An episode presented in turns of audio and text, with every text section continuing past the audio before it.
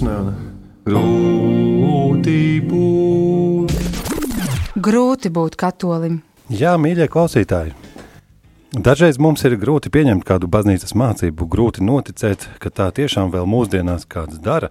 Grūti noticēt, ka blakus sēdošie baznīcā to visu saprot un pārzina daudz labāk nekā mēs, un grūti iemīļot kādu darbību vai kādu priesteru ieteiktu rīcību. Dažreiz grūti būt katolim, un tāpēc par laimi mums ir iespēja šīs grūtības kopīgi šķetināt, klausoties anonīmas esejas par katoļa dzīves pretrunām. Un vēl jau labāk, kad šīs pretrunas šķietināt, mums dažreiz palīdz kāds eksperts, vienmēr palīdz kāds eksperts. Šoreiz vietējais priesteris no Rīgas, visvētās trīsvienības draudzes prāvests Edgars Cakuls. Slavēts Jēzus Kristus. Mūžīgi mūžos slavēts tik tālu, nav grūti būt katolim, sasveicināties ar katoļu sveicienu, bet nu, gan saprotu, ka gan klausītāji, gan mūsu eksperti gatavi ir uzklausīt Tātad šīs reizes eseju.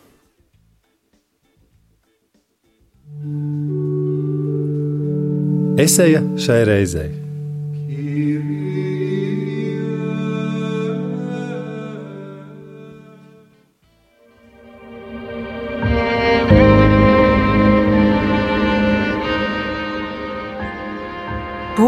Atklāts Vēl nevienu piekdienu neesmu ievērojis gavēnu un izticis bez gaļas. Cenšos būt kristietis jau astoto gadu, un daudzas svarīgākās lietas praktizēju ar lielu deksmi. Bet gaļas nēšanu piekdienās pat neesmu sācis mēģināt. Tik nesvarīgi tā liekas. Pienāk piekdiena, un tad, kad iedomājos, ka it kā vajadzētu gaļu nēst, bet ir jau par vēlu. Kaut kur padzirdēju, ka tas nesot svarīgi. Vēl kaut kad padzirdēju, ka tas esot svarīgi, gadījumā, ja to dara Jēzum par godu, un attiecīgajā piekdienā sevī pārdomā Kristus ciešanas. Vēl kādreiz padzirdēju, ka tas bieži ir farizeiski, un ticīgais drīkstot sev piemērot citu gavēšanas formu. Acīm redzot, tāpēc, ka tik daudzas versijas esmu pausu galam padzirdējis, esmu pieņēmis, ka tas ir nebūtiski, un neesmu šādu atcerēšanos iesācis bet tā vēl ir tikai pusbēda. Trakākais ir tas, ka to nemaz nenožēloju. Gribētu nožēlot, bet nenožēloju.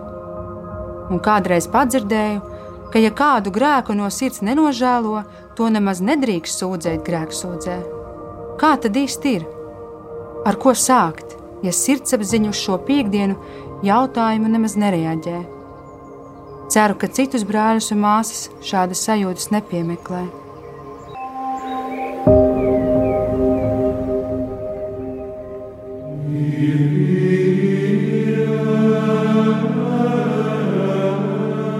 Grūti būt katolim. Radio esejas par kristīgās dzīves pretrunām.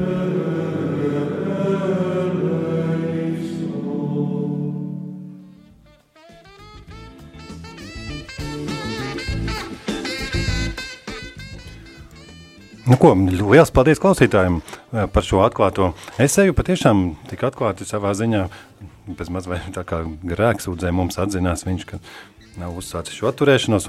Šādas esejas gaidīsim arī no jums, protams, info etrml.lv ar vienu nosacījumu, ka mēs drīkstam apsūdzēt tikai sevi.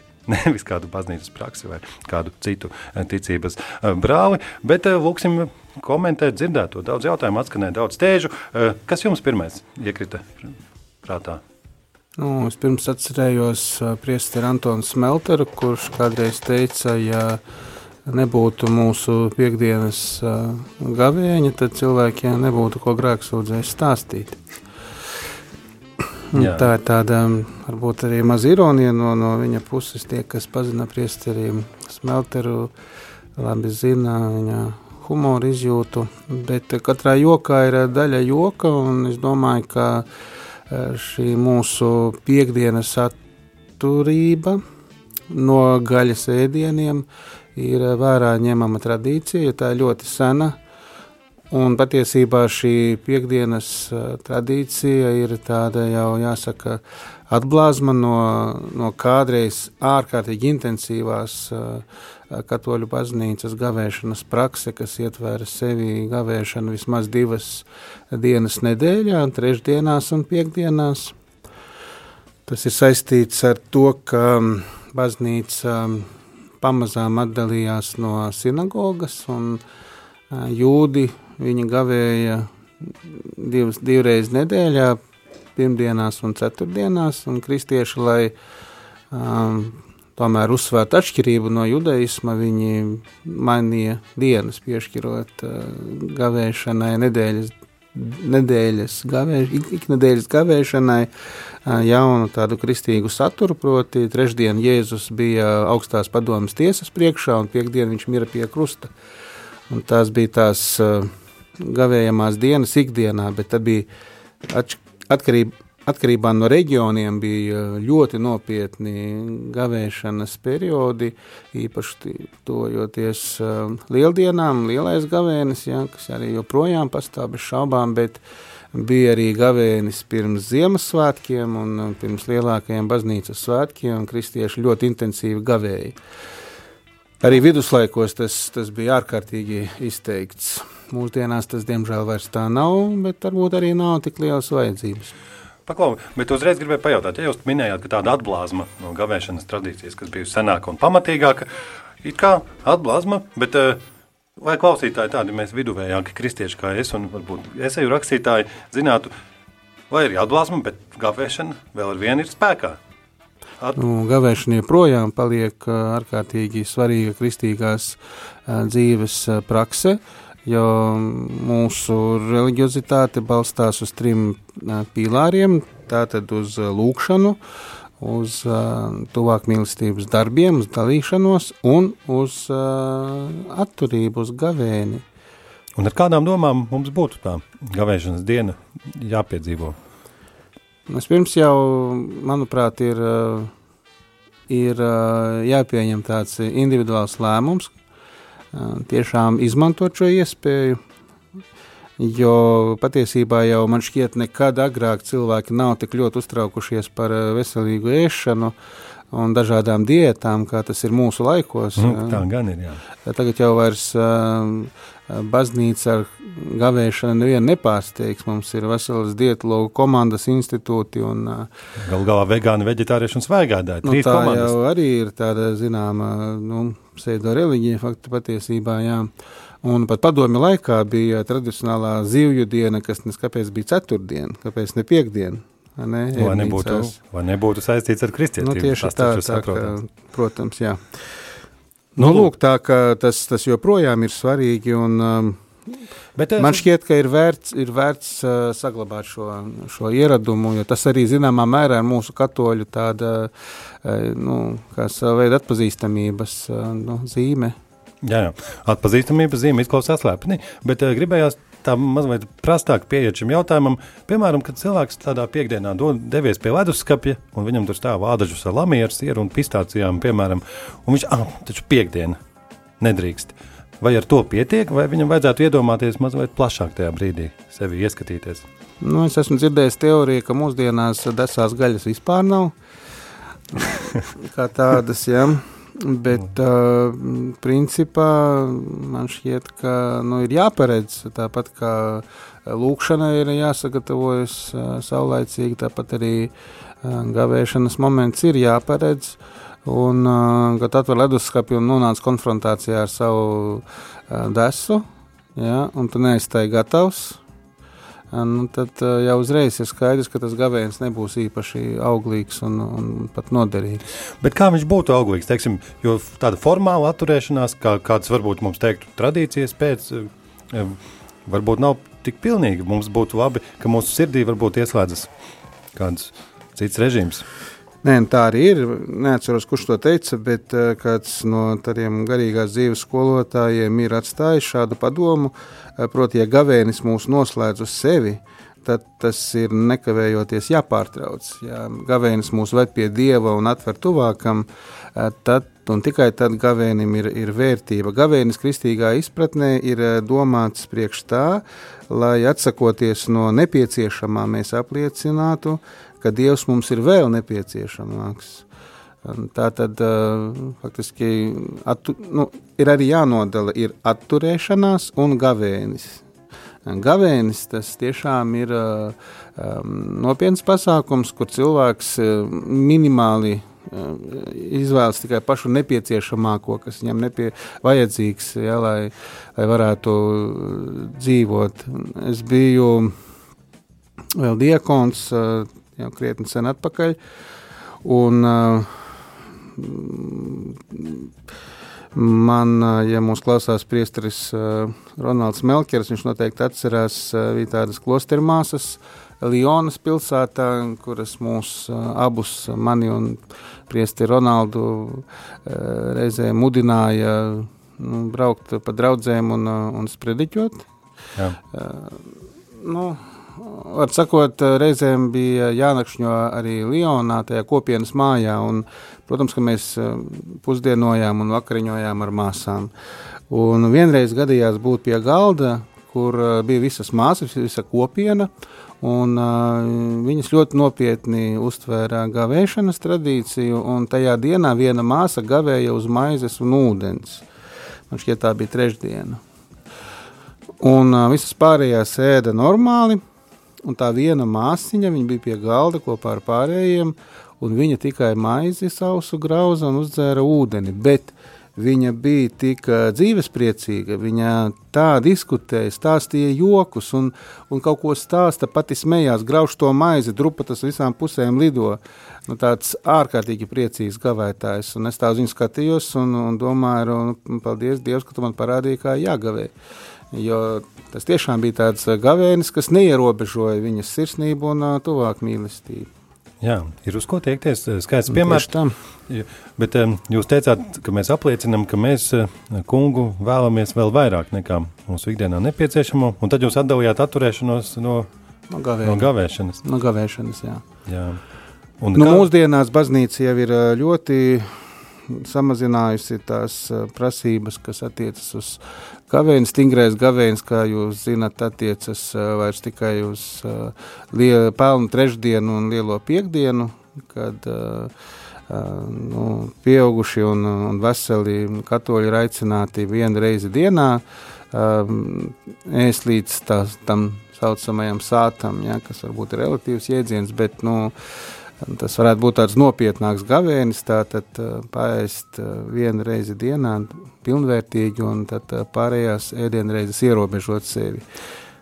Un, protams, bez, bez gaļas, kas ir atsevišķs stāsts, kāpēc tieši gaļa ir tajā melnajā sarakstā. Protams. Nu, Bet, piemēram, ja mūsu klausītājs un rakstītājs esejas, piemēram, ar labu apņēmību tagad uzsāktu gavēni jau šo piekdienu, un uh, viņš aiz ieraduma atvērs leduskapi trešajā plauktiņā atkal ieraudzīt gaļas ēdienu.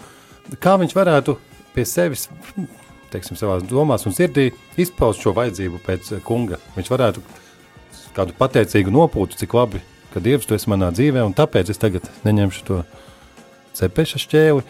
Vai kā mēs varētu precizēt, lai mums iznāk nevis tāda mehāniska ierobežojuma izpildīšana, bet tāda laba kristīga atturība. Es skatos, jūs tas leduskapis fascinēja. Ļoti. Tas ir Samsung leduskapis. Okay. Balts, jā. Balts un diezgan mm, augsts, un viņš ir viskā diezgan šaubām. Nu, bija kā leduskapī neparādās, nu, pats no sevis ne, ne, ne cepetis, ne desa kāds. Nu, viņu tur ceturtdien, ceturtdien nopērk. Jā, tieši tā. Lai būtu piekdiena, ar ko sevi mocīt, vai ne? Sapratu ironiju. Kā, nu, kāda ironija, tā, tā ir realitāte. Ka jāsāk gavēt jau trešdien, ceturtdien, domājot veikalā, ko mēs Tieši pērkam. tā, ja tu, es jau sākumā teicu, ja tu tiešām gribi savu piekdienu padarīt kā tādu garīgu piedzīvojumu, kā nelielas rekolekcijas sev, tad tu padomā, ko tu liksi savā leduskapī. Varbūt liec to desu ne augstā, augšējā plauktiņā, bet kaut kur zemāk un patāpi sestdienai, bet um, nu, ja tas, ja jebkura veida gavēšana vai, vai atturēšanās nav eh, saistīta ar tādu garīgu motivāciju, tad tā nav jēgas. Taisnība gan. Un eh, šī gadījumā, nu, kāda būtu teiksim, iesācēja garīgās motivācijas tāds labs varbūt piemērs. Jūs par to māsu jau teicāt, tas bija lielmeistars gavēšanā. Nu, viņa bija, jā. Viņa bija. Nu, es domāju, ka pirmkārt, ņemot vērā to, ka mūsdienās baznīca nepavisam neuzstāj uz gavēšanu un atturēšanos, tad uh, tas nenozīmē, ka tas viss tiek ignorēts baznīcas līmenī, augstākajā līmenī. Gluži otrādi, tam visam ir jābūt cilvēka sirdī. Un, patiesībā ir ļoti skaisti pieņemt šo individuālo izaicinājumu un izmantot tās piekdienas. Tā skaitā, lai uzlabotu savu veselību. Kāpēc to gaļu pieminēju? Es atceros, semināra laikā mums bija ciemos atnācis kāds ārsts. Viņš citu, bija kara ārsts, un viņš stāstīja par, par gavēšanu no medicīnas viedokļa. Es neesmu speciālists, bet atceros, ko viņš teica. Piemēram, kāpēc gavēnis ir tradicionāli 40 dienas, Nu, viņš apgalvoja, ka aptuveni šajā laikā cilvēka organisms attīrās no tā negatīvā, kas, kas ir gaļa, gaļas ēdienos, jo, jo gaļa nav pats veselīgākais ēdiens, lai arī vajadzīgs, bez šaubām.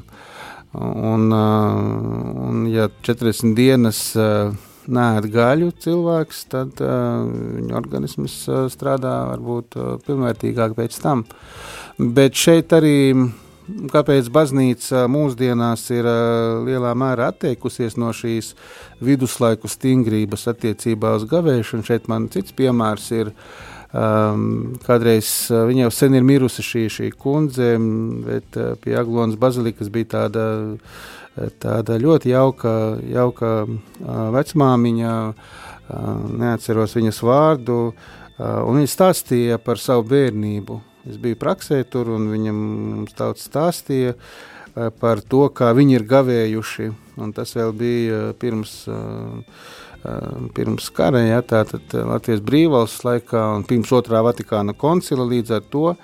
Un viņi ir gavējuši ārkārtīgi stingri, latgalē, bez gaļas, bez piena, bez, um, sakot, ārkārtīgi ierobežoja sevi. Un visi šie uh, produkti tika uh, glabāti pieliekamajā līdz lieldienām. Un viņa teica, viņi kā bērni, viņi esot gājuši pie tā pieliekamā un caur dēļu šķirbām ostījuši to gaļu, to, tās desas un žāvējumus, kas tur bijuši, viņiem bija šausmīgi grūti sagaidīt lieldienas. Viņi esot skrējuši uz pakalniem, klausījušies, vai bazilikā neskan zvani, varētu pateikt, ka nu jau var ēst. Un līdz ar to jau no agras bērnības šādi gavējot, gavēņa ideja tiek izkropļota, manuprāt. Ja, Varbūt arī. Ja tev ierobežo un tās tev ir ciešanas, tad tu neesi eh, sapratis gavēņa nozīmi. Jā, jā, rakstos jau teica, ka jūs gavējat, tad svaidiet savu galvu reļu un esiet priecīgi. Gribētu tikai jautāt, ja kāds mums, ziniet, ka kāda, kādam kāds radinieks gavētājiem var pajautāt tieši tik banāli, kā es to pajautāšu, ka kāds tad Dievam no tā labums, ka mēs atturamies no kaut kā un izdzīvojam tādu izsalkumu sevī. Nu, kā jau teicu, mēs uh, caur to labāk saprotam uh, tās vērtības, kuras ir uh, ar mūžības zīmi. Jā. Jo tas, kas mūs saista šeit virs zemes, ir tas, ko mēs varam redzēt, aptaustīt un arī apēst. Tā skaitā, un ja mēs ierobežojam sevi tajā, kas saistās ar zemi, uh, mēs kaut kur sevi vairāk atveram debesīm. Bet varbūt tas jādara tiešā nozīmē. Tajā piekdienā vairāk atvērt, piemēram, grāmatu nosaukumu Bībele. Vai tajā piekdienā vairāk tie, tiešām arī padziļināt savu kādu mums pieņemtu pieņemto nu, tam visam ir praksi. jābūt jāsaka, vienotam, bez šaubām, gan, gan tā atturī, atturēšanās no gaļas ēdieniem, kas ir pirmkārt gribas treniņš un arī mūsu gribas izpausme, kaut ko konkrētu izdarīt dieva godam, kas nav nekas ārkārtējs, bet tomēr kaut ko prasa, ja, cīņa ar to desu slaveno. Jā. Nu, lūk, un ja tu esi motivēts tiešām kaut ko darīt dieva godam, tad arī dievam pašam tu esi vairāk atvērts. Tas ir tāds uh, kā instruments, at, šī piekdienas atturēšanās ir tāds kā garīgs instruments, kas tev palīdz atvērties dievam un augt dievam. Nu, ja jau instruments, tad jau mūsu, mūsu pašu labā tas galvenokārt strādā, un mums pašiem jārūpējas, lai mēs nevis nopirktu divas čipsu pakas desas vietā, bet tiešām šo izcelkumu izdzīvotu. Un tieši tā, ja tu neēd gaļu, bet ēd visu, visu kaut ko citu neveselīgu, tas arī nav nekāds gavēnis. Lūk, bet vai gaļas atturību piekdienās, vai to mēs varam kā kristieši aizvietot ar kādu citu atturību? Pirmkārt, jau um, ir tāds princips, ka uh, tuvāk mīlestība dominē pār uh, visiem uh, gavēņiem, un uh, jau sen ir noteikts uh, princips, ja tu esi piemēram viesos piekdienu kā katolis un tev servē gaļas ēdienas, tev ir pienākums pieņemt to, ko, ko namatēvs vai namamāte tev sniedz, un tev ir, tev ir jāēd tas, ko tev dod ēst, un tad ir šī garīgā kompensācija, proti lūkšanas, nu, slavenie pieci pāteri, Un tad šajā situācijā tavs gavēnis ir tāds garīgs gavēnis. Tu vairāk lūdzies un, un tu viesmīlības vārdā upurēji savu piekdienas atturību. Varbūt kādi jaunākas paudzes klausītāji uzreiz neatpazina, ko jūs domājat ar pieci pāteri? Šo... Nu, es speciāli pateicu šo, šo terminu, jo ja tas nav moderns, tiešām tas ir lūkšanas, kā nu kurš tos uztver, pāters. Pāters no pātera nostājas. Tieši tā, no tēvreizes ir cēlies, un tēvreiz ir pirmā lūkšana, tad ir sveicināta Marija un gods Dievam. Dažēl pieliek vēl kaut ko klāt, bet uh, tas ir tāds uh, lūkšanu. Uh, mērvienība. nu, tā ir lūkšana mērvienība, jā, tāda lūkšana kompilācija, ko sauc par pāteru. Parasti tās nu, ir trīs lūkšanas. Kompilācija jau izklausās mūsdienīgāk. Dieni, nu, ko, ar Edgaru Cakulu sarunājamies mēs par gavēšanu, tematu, kur in, mums inspirēja kāds klausītājs ar savu esēju, kuram grūti vispār pieņemt, ka kaut kas tāds ir vajadzīgs. Atklāti bija tas uzrakstīts. Bet par citiem šīs esejas aspektiem mums būs iespēja vēl parunāties pēc uh, dziesmas.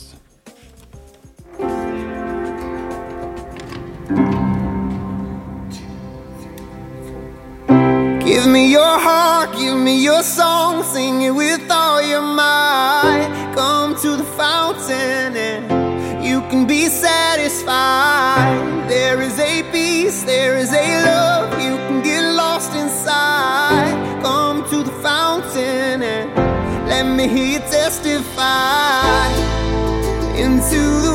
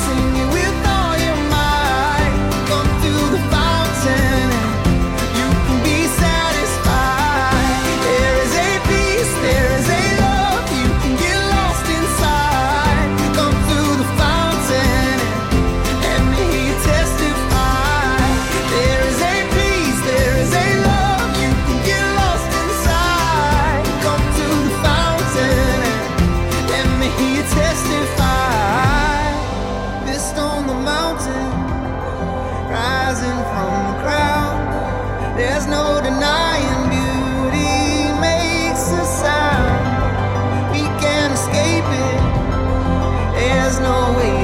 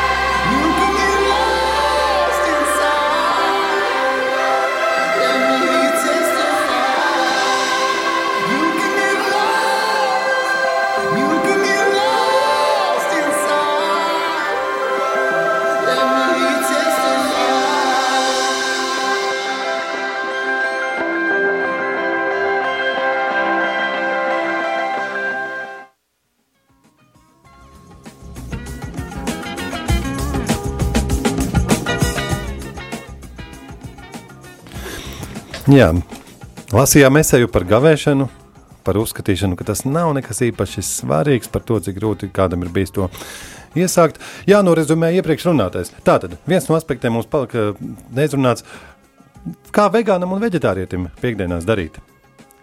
Kā viņam piedzīvot gavēni?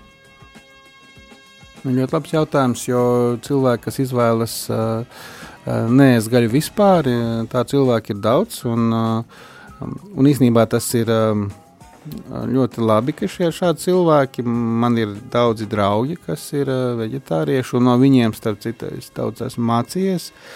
Es neesmu tas, kurš uh, nēd gaļu, bet uh, kopš es saskāros ar šiem cilvēkiem, es sapratu, ka ir citas alternatīvas. Nu, ne jau gaļā vai, vai zivī ir tas, tas, tas jautājums, ir nepieciešams motivēt sevi no kaut kā atteikties, lai paliktu tas garīgais princips. Un, un man šķiet, ka cilvēkiem, kuri vispār neēd gaļu, viņiem tā ir vienreizēja iespēja atrast, uh, atrast alternatīvu gavēnim, saistot to ar piekdienu, kas nebūtu slikti. Nu, piemēram, mazāk skatīties televizoru vai spēlēt datorspēles. Jā, bet uh, tie, kas ēd gaļu, lielajā gavēnī ir dzirdēts, ka savu garīgo vadītāju, draugu vadītāju atļauju mēs varam aizvietot. Tas tāds pausu galam saklausīts viedoklis, aizvietot gaļas nēšanu pret citu atturēšanās veidu. Vai tas ir oficiāli? Nu, lielajā gavēnī oficiāli ir tas, ka nav īpašu noteikumu. Ir tā pati piekdiena, daži pieliek klāt trešdienu lielajā gavēnī. Kā jau teicu, ir šīs divas dienas, kad ir tiešām uh, nepieciešams stingri gavēt pelnu trešdienu, lielā piekdiena. Un tā ir iespēja savu gavēni veidot mums pašiem, veikt savas izvēles. Un, uh, es vienmēr gavēņa sākumā atgādinu sev un arī cilvēkiem, uh, ka modernais gavēnis uh, faktiski pieprasa arī uh, modernus, uh, modernas izvēles, jo televizors un, un dators, interneta vide mums paņem ļoti daudz laika. Un varbūt tur mēs varam sevi ierobežot lielajā gavēnī. Bet mazajā piekdienā, tātad piekdienās, vai arī tur mēs varam tā aizvietot, vai tomēr ne? Nu, es domāju, ka nevajadzētu atteikties no šīs klasiskās pieredzes ar gaļas ēdieniem. Bet ir ļoti labi, ka pielikt kaut ko klāt, kas saistīts ar moderniem izaicinājumiem. Bet nevajag panicināt to piekdienas tradīciju. Ne, nu, kur nu panicināt? Mums jau būtu, cik es saprotu, pat grēksūdzēji. Tas noteikti jānosauc kā nu, grēks. Var at, atgriezties atkal pie priesteres Meltera joka, bet nu, tas nav tas šausmīgākais grēks. Cilvēki reizēm kaut ko iedomājas un un, uh, un iedomājas, ka teiksim, tā, tā gaļas ēšana un ēšana piekdienā ir um, nu, tas, kas ir pats, pats šausmīgākais, kas var notikt. Tas tā nebūtu nav. Bet, um, Bet, nu, jānovērtē arī šī. Taisnība, taisnība. Bet, nu, ja tomēr, ja kādam gribas, tad līdz, var, varbūt jūs zināsiet, vai tas ir Tā tad Nē, nu, ir, ir, ir šī iespēja aizvietot šo gastronomisko atturēšanos ar lūkšanu. Jā, tur jā. noskaitīt tos slavenos piecus pāterus, jā, par kuriem tagad viss ir informēti, kas tas taisnība, ir. Var kaut vai kaut kā palūkties, jā, nu nevajag jābūt farizējiem. Man tā pavisam noslēdzot tēmu, bieži atceros rekolekcijas vēl semināra laikā, kuras vadīja viens ļoti gudrs, labs priesteris, un viņš runā arī par gavēšanu. Un viņš teica, ka modernajā, mūsdienās modernais cilvēks dzīvo tādā stresā, ka viņam īstenībā oblig obligāti ir jāēd. Viņš nevar gavēt kā gavēja viduslaikos, jo viņš neizturēs to stresu, kurā mēs dzīvojam. Bet gavēnis nekad nav bijis svarīgāks kā līdz šim, bet ir jāgavē pareizi. Un tad to pareizo veidu uh, To var katrs atrast gan vadoties no baznīcas tradīcijas, no tā, ko mūsu biskupi mums iesaka, un arī individuāli izveidot savu gan gavēšanas praksi, gan lūkšanas ritmu. Jā, mūsu klausītājs gan rakstīja, ka viņš to nav uzsācis, un minēja pēc tam, ka viņš to pat nenožēlojot. Un, ja nenožēlo, tad viņš kaut kur padzirdēja, citēju, ka to nemaz nedrīkstot sūdzēt grēksūdzē, ja mēs kaut ko tādu nedarām un nenožēlojam. Ko jūs, kā jūs komentētu šo nu, tēzi? Teiksim tā, piekdienas neizturēšanās, neievērošana nav starp nāvīgajiem grēkiem. Lūk, es varu komentēt šo. Bet um, ir labi, ka cilvēks uh, godīgi to uh, to sev atzīst, jā, arī padalās. Jo es domāju, ka ļoti daudzi katoļi varbūt pat ir aizmirsuši reizēm par šo skaisto un svarīgo piekdienas tradīciju. Tas nav uh, kaut kāds apgrūtinājums viņa garīgā izaugsmē, bet tā ir iespēja, kas ir palaista garām, tā to formulētu. Iespēja palaist garām. Jūs Jā. iepriekš teicāt instruments, tātad tuvoties, tuvoties savā izsalkumā vēl Dievam. vairāk dievam. Nu, nu ko? Vēl izskanēja šajā esejā tādi skaisti vārdi. Trīs reizes izskanēja. Kaut kur padzirdēju, ka tas esot svarīgi. Pēc tam bija frāze, kaut kur padzirdēju, ka tas nesot īpaši svarīgi. Un pēc tam kaut kur padzirdēju, ka, ka to var aizvietot ar kaut ko citu. Bet gribēju, gribēju par šo simptomu, ja tā drīkst teikt, aprunāties. Dažreiz tā gadās, ka mēs kaut kur padzirdam kādu atrunu, un tad to, izma un tad to padzirdēto izmantojam kā attaisnojumu, varbūt kaut ko nedarīt vai nezināt. Ko jūs ieteiktu katoļiem, kuri nav droši par kādu informāciju? Kā viņiem pareizāk to noprecizēt? Es gribētu izteikt komplimentu, jo, ja cilvēks ir kaut ko padzirdējis, tas ir cilvēks, kurš prot klausīties. Tas ir ļoti daudz. Bet, uh, nu, paldies Dievam, mums, uh, katoļiem, ir, uh, ir maģistērijas, ir mūsu ticība, kas ir uh, pārbaudīta gad, gadu tūkstošiem jau, un tas viss ir skaisti formulēts uh, katoļu baznīcas lielajā katehismā visdažādākajos aspektos. Un tur var atrast ļoti daudz informācijas. Tas ir avots, kas ir brīvi pieejams, tā skaitā internetā. Ja? Grāmata pati nav, Smaga, bet arī nav pieejama. lēta. Tagad varbūt arī grūtāk būtu atrast eh, jaunu eksemplāru, arī smaga, mm, jebkurā gadījumā pieejama. Un tur ir ļoti daudzas lietas, ļoti precīzi pateiktas, kas, eh, kas katolim eh, ir jādara. Lūk.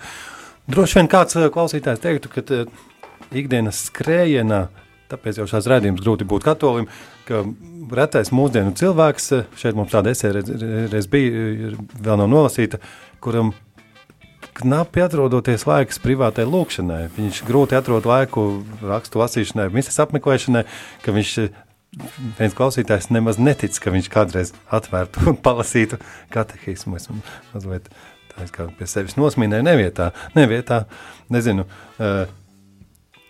kāda, kā, kā jums liekas, kā, ka- kas ticīgajiem, kas ticīgajiem varētu palīdzēt varbūt vairāk iepazīt, nu, teiksim, sākt vēlēties palasīt katehismu. Nu, vajadzētu pamēģināt palasīt, lai saprastu, kas tā par grāmatu, jo uh, šis dokuments ir. Uh, nu, es nezinu, cita, citu dokumentu, kas būtu tulkots latviešu valodā tik kvalitatīvi no maģistērija. Nu, protams, Vatikāna koncila dokumenti pēc tam tika pārtulkot nesen patiesībā. Un, un tas arī ir ārkārtīgi vērtīgi, bet nu, lielais katehisms eh, tas ir dārgakmens. Jā, un, un cilvēkiem vajadzētu sākt selektīvi interesēties par šo, šo grāmatu. Tur eh, noslēgumā ir, eh, ir tematiskais rādītājs, kur ir dažādi termini, dažādas tēmas. Un tad var selektīvi palasīt, izvēlēties, kas interesē tajā brīdī. Tur viss ir alfabēta secībā, un tad uh, atvērt attiecīgo lapusi vai internetā attiecīgo paragrāfu un palasīt par to, kas tajā brīdī šķiet interesants. Un, un ja iepazīst šo grāmatu, tad, uh, tad tur uh, rodas tā motivācija. Tā tiešām laba grāmata. Tā nu gan, vēl arī divas labas citas grāmatas, katehisms jauniešiem, jūkat, laikam tā sauc tā kā līdzīgi kā tu kaķis izskatās, bet nē, tas ir jauniešu katehisms. Es teikšu, godīgi, es neesmu jaunietis, varbūt tāpēc, bet man vieglāk lasīt lielo katehismu nekā jūtu kārtu. Varbūt tāpēc, ka tiešām, tiešām nesat jaunietis. Ne, tas jau cerējāt, ka es teikšu, tagad, ka tu esat gan Nu, tad. Es, ne, grūti Šī būt katolim tā- atklātas sarunas. Šī nav tā vieta, kur tēmām. saņemt komplimentus. es saprotu. Tieši tā. Šeit pat, pat klausītājs savā esejās ne, ne visai glaimojoši mums uzticas par sevi uzrakstīt, tā ka mums arī Te jābūt. jau kā Jeremija Vaimanas izklausās tās esejas. Visa pasaules sāpe šeit satek. Nu, re, un mums atliek viņas te tādā ziņā optimistiski izskatīt. Un, eh, tā tad varbūt tiešām par to jāpadomā šeit pat radio. Tas droši vien arī mums, mūsu raidījuma vadītāja uzdevums tātad ieintriģēt tādā katehismai iepazīšanai lielākai. Un eh, vēl gribēju uzzināt, eh, piemēram, ja klausītājs atzina, ka viņš kādu baznīcas ieteiktu praksi apzināti neīsteno. Šoreiz tas bija par gavēni, kādreiz tas būs droši vien par kādu, par kādu citu lietu. Par kādu, ne, pieņemsim, droši vien ar sakramentālajām saistītu, gudri izsakoties. Nu, var sakot, eh, kā jūs skatāties uz to, ka kas varētu būt tas cēlonis? Kāpēc dažkārt mums liekas, ka mēs kaut kā paši varam izdomāt, ka mēs šito tomēr nedarīsim? Nu, tas ir saistīts ar šo laikmetu, kurā dzīvojam, un relativisma spiediens un uh, arī liela aizņemtība, ka cilvēki vienkārši ļoti noguruši no ikdienas, tad, ja kaut kas vēl no reliģiskās prakses tiek uztverts kā pienākums, tad ra rada dabisku pretestību ja lielā mērā.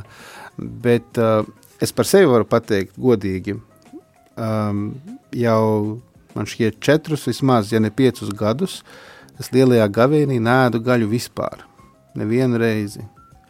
Un es uh, sāku to, to darīt tīri intrigas pēc, vai es to spēšu. Un, uh, kad tas man izdevās pirmo gadu, es tiešām sapratu un sajūtu, cik tas ir labi man. Un Tad ar Dieva palīdzību es cenšos katru gadu lielajā gavēnī vispār neēst gaļu, nevienu dienu. Bet vai varam teikt, ka tad arī jūs sapratāt, kas tas gavēnis Tieši tā, ir? Tad, kad es piedzīvoju, tad es, man zināmā mērā atvērās acis un es sapratu, ko tas nozīmē priekš manis, nevis uh, vispār. Jā. Un man šķiet tāds personiska pieredze. Un, uh, Man ir aizdoms, ka tas krietnais cilvēks, kurš to godīgo esēju sarakstīja, ka viņš ilgojas gavēt ilgojas gavēt, bet netic saviem spēkiem. Un es aicinātu lekt ūdenī un, un, un bēgt no gaļas. Kādreiz. Jā, labs padoms arī dažādu citu prakšu neievērošanā. Tomēr lekt ūdenī un tad saprast, ko tas nozīmē, un tad saprast, ko, ar ko mēs sevi uh, apdāvām. Un uh, tikko nu, jā, viena doma galvā bija ienākusi, bet pazuda tā kā tāds. Kaut kā desu pavasara putns. Nē, nē, šoreiz nē. nē. Bet eh, šobrīd mēs esam nonākuši raidījumā līdz eh, rubrikai saistībā ar mūsu eksperta mīļāko svešvārdu. Tavernākls, kontemplācija, transsubstanciācija, ordinācija, absolūcija, nuncijas, beatifikācija, pontifikāts, rarzī, lai ordenis, kapu apmalīšu svētīšana, katuhemēns, Novena Pompejas diamātes godam. Hm. Grūti būt katolim.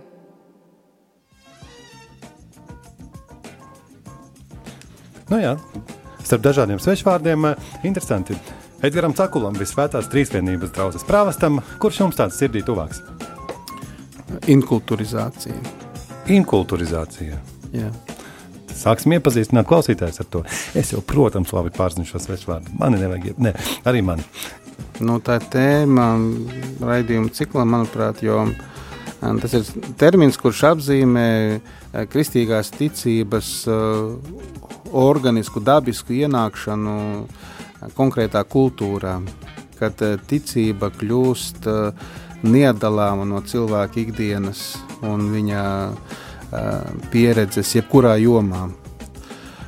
Viens inkulturizācijas piemērs, jūs varat aiziet uz Brīvdabas muzeju, kurš šeit darbojas atkal, paldies Dievam, un uh, ienākot uh, Latgales sētā, jūs redzēsiet uh, kristīgus elementus uh, tautas tērpos un māju iekārtojumā, kas ir dabiska lieta uh, priekš uh, Latgales cilvēkiem, kur katoliskā ticība uh, ir gadsimtiem veidojusi šo, šo latviešu tautas daļu. Man bija tāds uh, aizkustinošs uh, brīdis pirms pāris nedēļām. Mani uh, lūdza, aicināja iesvētīt kādu ceļmalas krustu Latgalē, kurš tika atvests no dzimtas senajām mājām, kur vairs neviens nedzīvoja. Uh, un eh, šo krustu pārveda un restaurēja un no jauna uzlika tur, kur tagad dzīvo eh, šīs dzimtas pārstāvji. Un, eh, un man bija liels gods šo seno krustu, kuram ir vairāk nekā simts gadi šobrīd, inaugurēt no jauna, jaunā vietā. Un, uh, tas ir kaut kas ļoti, tas bija kaut kas ļoti iespaidīgs. Redzēt, ka arī jauniem mūsdienu cilvēkiem ir svarīgi uh, šie dzimtas simboli, kas ir arī ticības simboli. Un uh, inkulturizāciju mēs redzam visdažādākajās izpausmēs, pie visdažādākajām tautām. Uh, piemēram, kaut vai eh, sengrieķu filozofijas eh, ienākšana kristīgajā pasaules uzskatā ir tāds spilgts eh, piemērs inkulturizācijai. Tātad Aristoteļa filozofija caur Akvīnu stomu ienāca un veidoja Rietumē Eiropas uh, uh, filozofisko apziņu. Tāpat arī Platons iespaidoja Svēto Augustīnu lielā mērā, un arī tur mēs redzam šo, šo fenomenu. Kā teica Svētais Irenēs, viss, kas ir patiesi cilvēcisks, ir kristīgs. Ja, tas eh, no vienas puses ļauj eh, kristīgai ticībai dabiski integrēties cilvēka mm, nu, apziņā un, un arī tautu uh, ikdienā, un arī no otras puses ļauj novērtēt to, uh, kas um, dabiski ir labs jebkurā kultūrā, jebkurā tautā. Jā, nu, man jau šeit jā, izjautājot, jūs jāpārstāv visi klausītāji, un jūs tik plaši skaisti izstāstījāt, ka Augustīns iespēja Platonu vai Platons Augustīnu, bet kāds inkulturizācijā būtu mums uh, Latvijā tāds nākamais solis, lai, nu, teiksim, kas varētu notikt, kā vēl kristīgā ticība varētu mazliet inkulturēties mūsu sabiedrībā? Nu, es ceru, ka nemainīs valsts himnu, tas jābūt ļoti labi. Jā. Jo daži par to runā, un tas uh, man nedaudz sarūktina. Bet um, es domāju, ka tas ir atkarīgs no, no katra individuālās ticības uh, pieredzes. Un, jo, vairāk, vai, jo vairāk būs patiesas ticības mūsu cilvēkos, jo vairāk tas ienāks arī mūsu kultūrā kā tādā. Nu, lūk, inkulturizācija. Um, gribēju tikai pajautāt tādu lietu. Es, uh, protams, dažreiz gadās kaut kā mazliet no, novienkāršoju lietas, bet uh, dzirdēju grupa Dakota dziedāja dziesmu, kamēr vari, tikmēr dari, ņem un savu nastu cel. Vai mēs kaut kādā ziņā bez īpašiem jokiem varētu teikt, ka šeit, piemēram, tādā tekstā mēs dzirdam savu krusta ņemšanas tādu tikumu, inkulturētu. Var saskatīt, country mūzika. Jā, nu, par country mūziku. Man ļoti patīk country mūzika, bet um, uh, neesmu speciālists šajā jomā, bet uh, latviešu tautas dziesmas gan ir pilnas ar kristīgo garu. Varbūt tas ir viennozīmīgi. Nu, vai vismaz uz kuru nu, mīļā māra, piemēram, kas ir jaunava Marija bez jebkādām šaubām. Un tie visi tikumi un uh, tuvāk mīlestības, um, uh, tuvāk mīlestības uh, piemēri, ko mēs redzam tautas dziesmās, pašaizliecības piemēri, tas viss ir kristīgs un arī dabiski latvisks. Un tas ir fascinējoši. Man ļoti žēl, ka mēs varbūt uh, tik maz izmantojam šo tautas dziesmu potenciālu mūsu kristīgajām izaugsmēm. Brīnišķīgi. Devāt mums tiešām tematu jaunam redzējumu ciklam par inkulturizāciju, uzzinājām jaunu svešvārdu, uzzinājām, ka brīžos, kad mēs bez sirdsapziņas pārmetumiem nepildām kādu baznīcas praksi, viens no veidiem, ir mesties ūdenī un to sākt, lai labāk iepazītu un labāk saprastu, ko mēs paši zaudējam. Otrs veids ir paskatīties uh, katehismā un uzzināt oficiālu viedokli, cik smags uh, grēks vai pārkāpums tas gadījumā ir, un arī izlasīt un labāk saprast. Un es ceru, ka tu liki Rihardam sameklēt dziesmu un pīdīja viņa gari goldi. Nu, gandrīz. gandrīz. Jūs no minējāt, ka jums kaut ko jā. patīk country mūzika. Es domāju, mūsu raidījumā mēs varam atļauties, vai tur ir inkulturizācija vai nav. Klausītājs spriediet paši. Nākošais nedēļa atkal tiksimies raidījumā grūti būt katolim, atkal apskatīsim kādu esēju un ar neviena nedoģētām tiesībām es atļauju atvadoties noskanēt grupas Dakota dziesmai, kamēr vari, tikmēr dari, bet galvenais džingls arī būs Rikardi. Vai ne?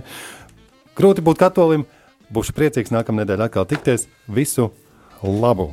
Grūti būt katolim.